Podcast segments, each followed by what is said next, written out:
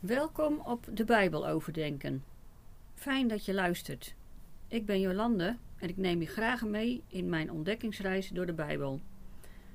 Deze studie kun je luisteren, maar als je dat liever doet, kun je het ook zelf lezen. Deze keer wil ik een gedeelte bespreken uit 2 Timotheus 3, vers 16 en 17. Paulus die beschrijft daar vier manieren waarop de Bijbel jou en mij geschikt maakt om God te dienen. Paulus schrijft dit aan Timotheus. En Timotheus was van jongs af aan met de schriften opgegroeid.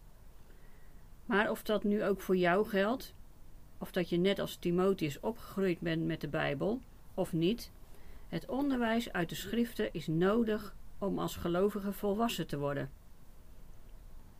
Ik zal het gedeelte eerst lezen en dan lees ik vanaf vers 14, 2 Timotheus 3, vers 14 tot en met 17.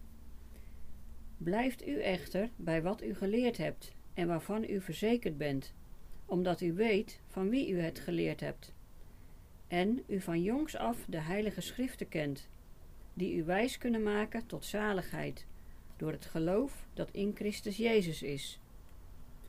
Heel de schrift is door God ingegeven en is nuttig om daarmee te onderwijzen, te weerleggen, te verbeteren en op te voeden in de rechtvaardigheid, opdat de mens die God toebehoort volmaakt zou zijn, tot elk goed werk volkomen toegerust. In vers 14 en 15 staat dat de Bijbel ons leert hoe we gered worden. En de versen 16 en 17 die voegen daar iets aan toe namelijk dat ook alles wat nuttig is om God te leren dienen, vanuit de schriften, vanuit de Bijbel, tot ons komt. Elke schrifttekst is door God ingegeven, staat in vers 16. In het Grieks wordt daar één woord gebruikt, het woord theopneustos. En eigenlijk betekent dat God geademd.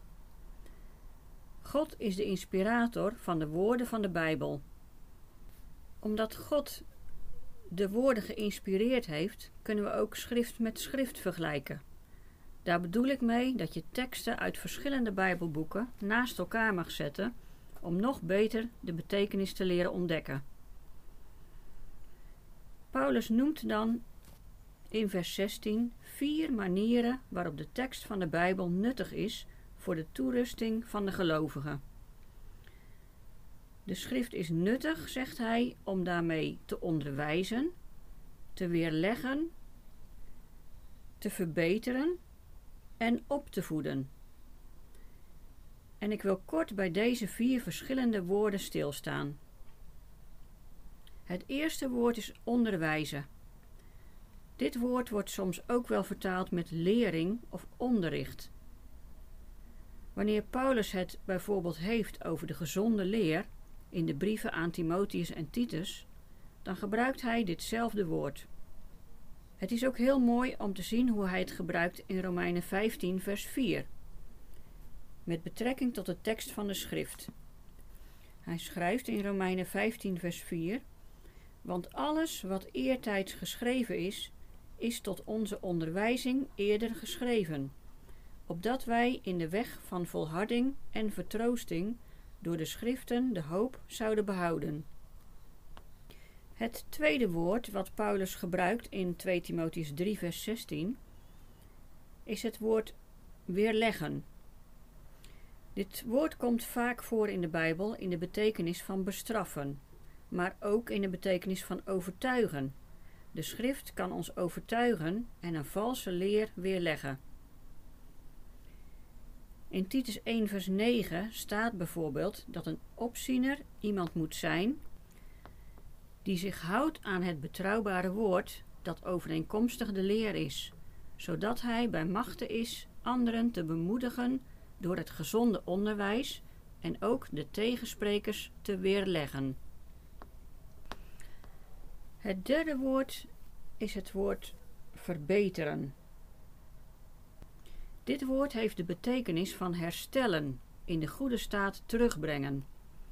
Er staat een prachtig voorbeeld in Lucas 13, vers 13, waar de Heer Jezus een vrouw geneest die kromgebogen was. En we lezen daar in Lucas 13, vers 13. En hij, de Heer Jezus, legde de handen op haar en zij werd onmiddellijk weer opgericht en verheerlijkte God. Jezus herstelde haar. Hij bracht haar terug in de goede staat. En in 2 Timotheus 3, vers 16 wordt dit woord gebruikt om te zeggen wat de schrift in ons kan doen.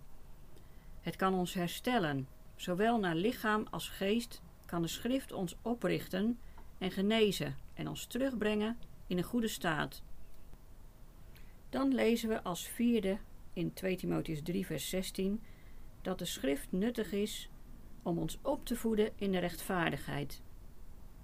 Hier wordt het Griekse woord pedaia, opvoeden, gebruikt.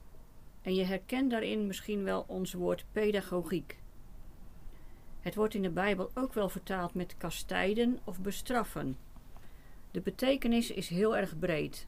Alles wat je doet om een kind op te voeden, dat valt daaronder. Soms doe je dat door te waarschuwen, te berispen of te straffen, maar ook door aan te moedigen. Opvoeding heeft tot doel om volwassen te worden. En de Bijbel wil ons opvoeden in de gerechtigheid. Als we deze vier manieren samenvatten, kunnen we dus zeggen dat de Bijbel bij machten is om jou te onderwijzen door je de gezonde leer voor te houden, door je te overtuigen van de waarheid en verkeerde ideeën te weerleggen, door je denken en doen recht te maken en te herstellen, en door je op te voeden tot een volwassene in de gerechtigheid. Op die manier word je volkomen toegerust tot elk goed werk, zegt vers 17. Dus als jij en ik geschikt willen zijn, zodat God ons kan inzetten voor zijn werk, dan is het lezen en bestuderen van de Bijbel een belangrijke leerschool. En het mooie is dat we ook elkaar met de woorden van de Bijbel kunnen onderwijzen en helpen groeien. Samen kunnen we overdenken en samen onderzoeken en elkaar bemoedigen om hierin niet te verslappen.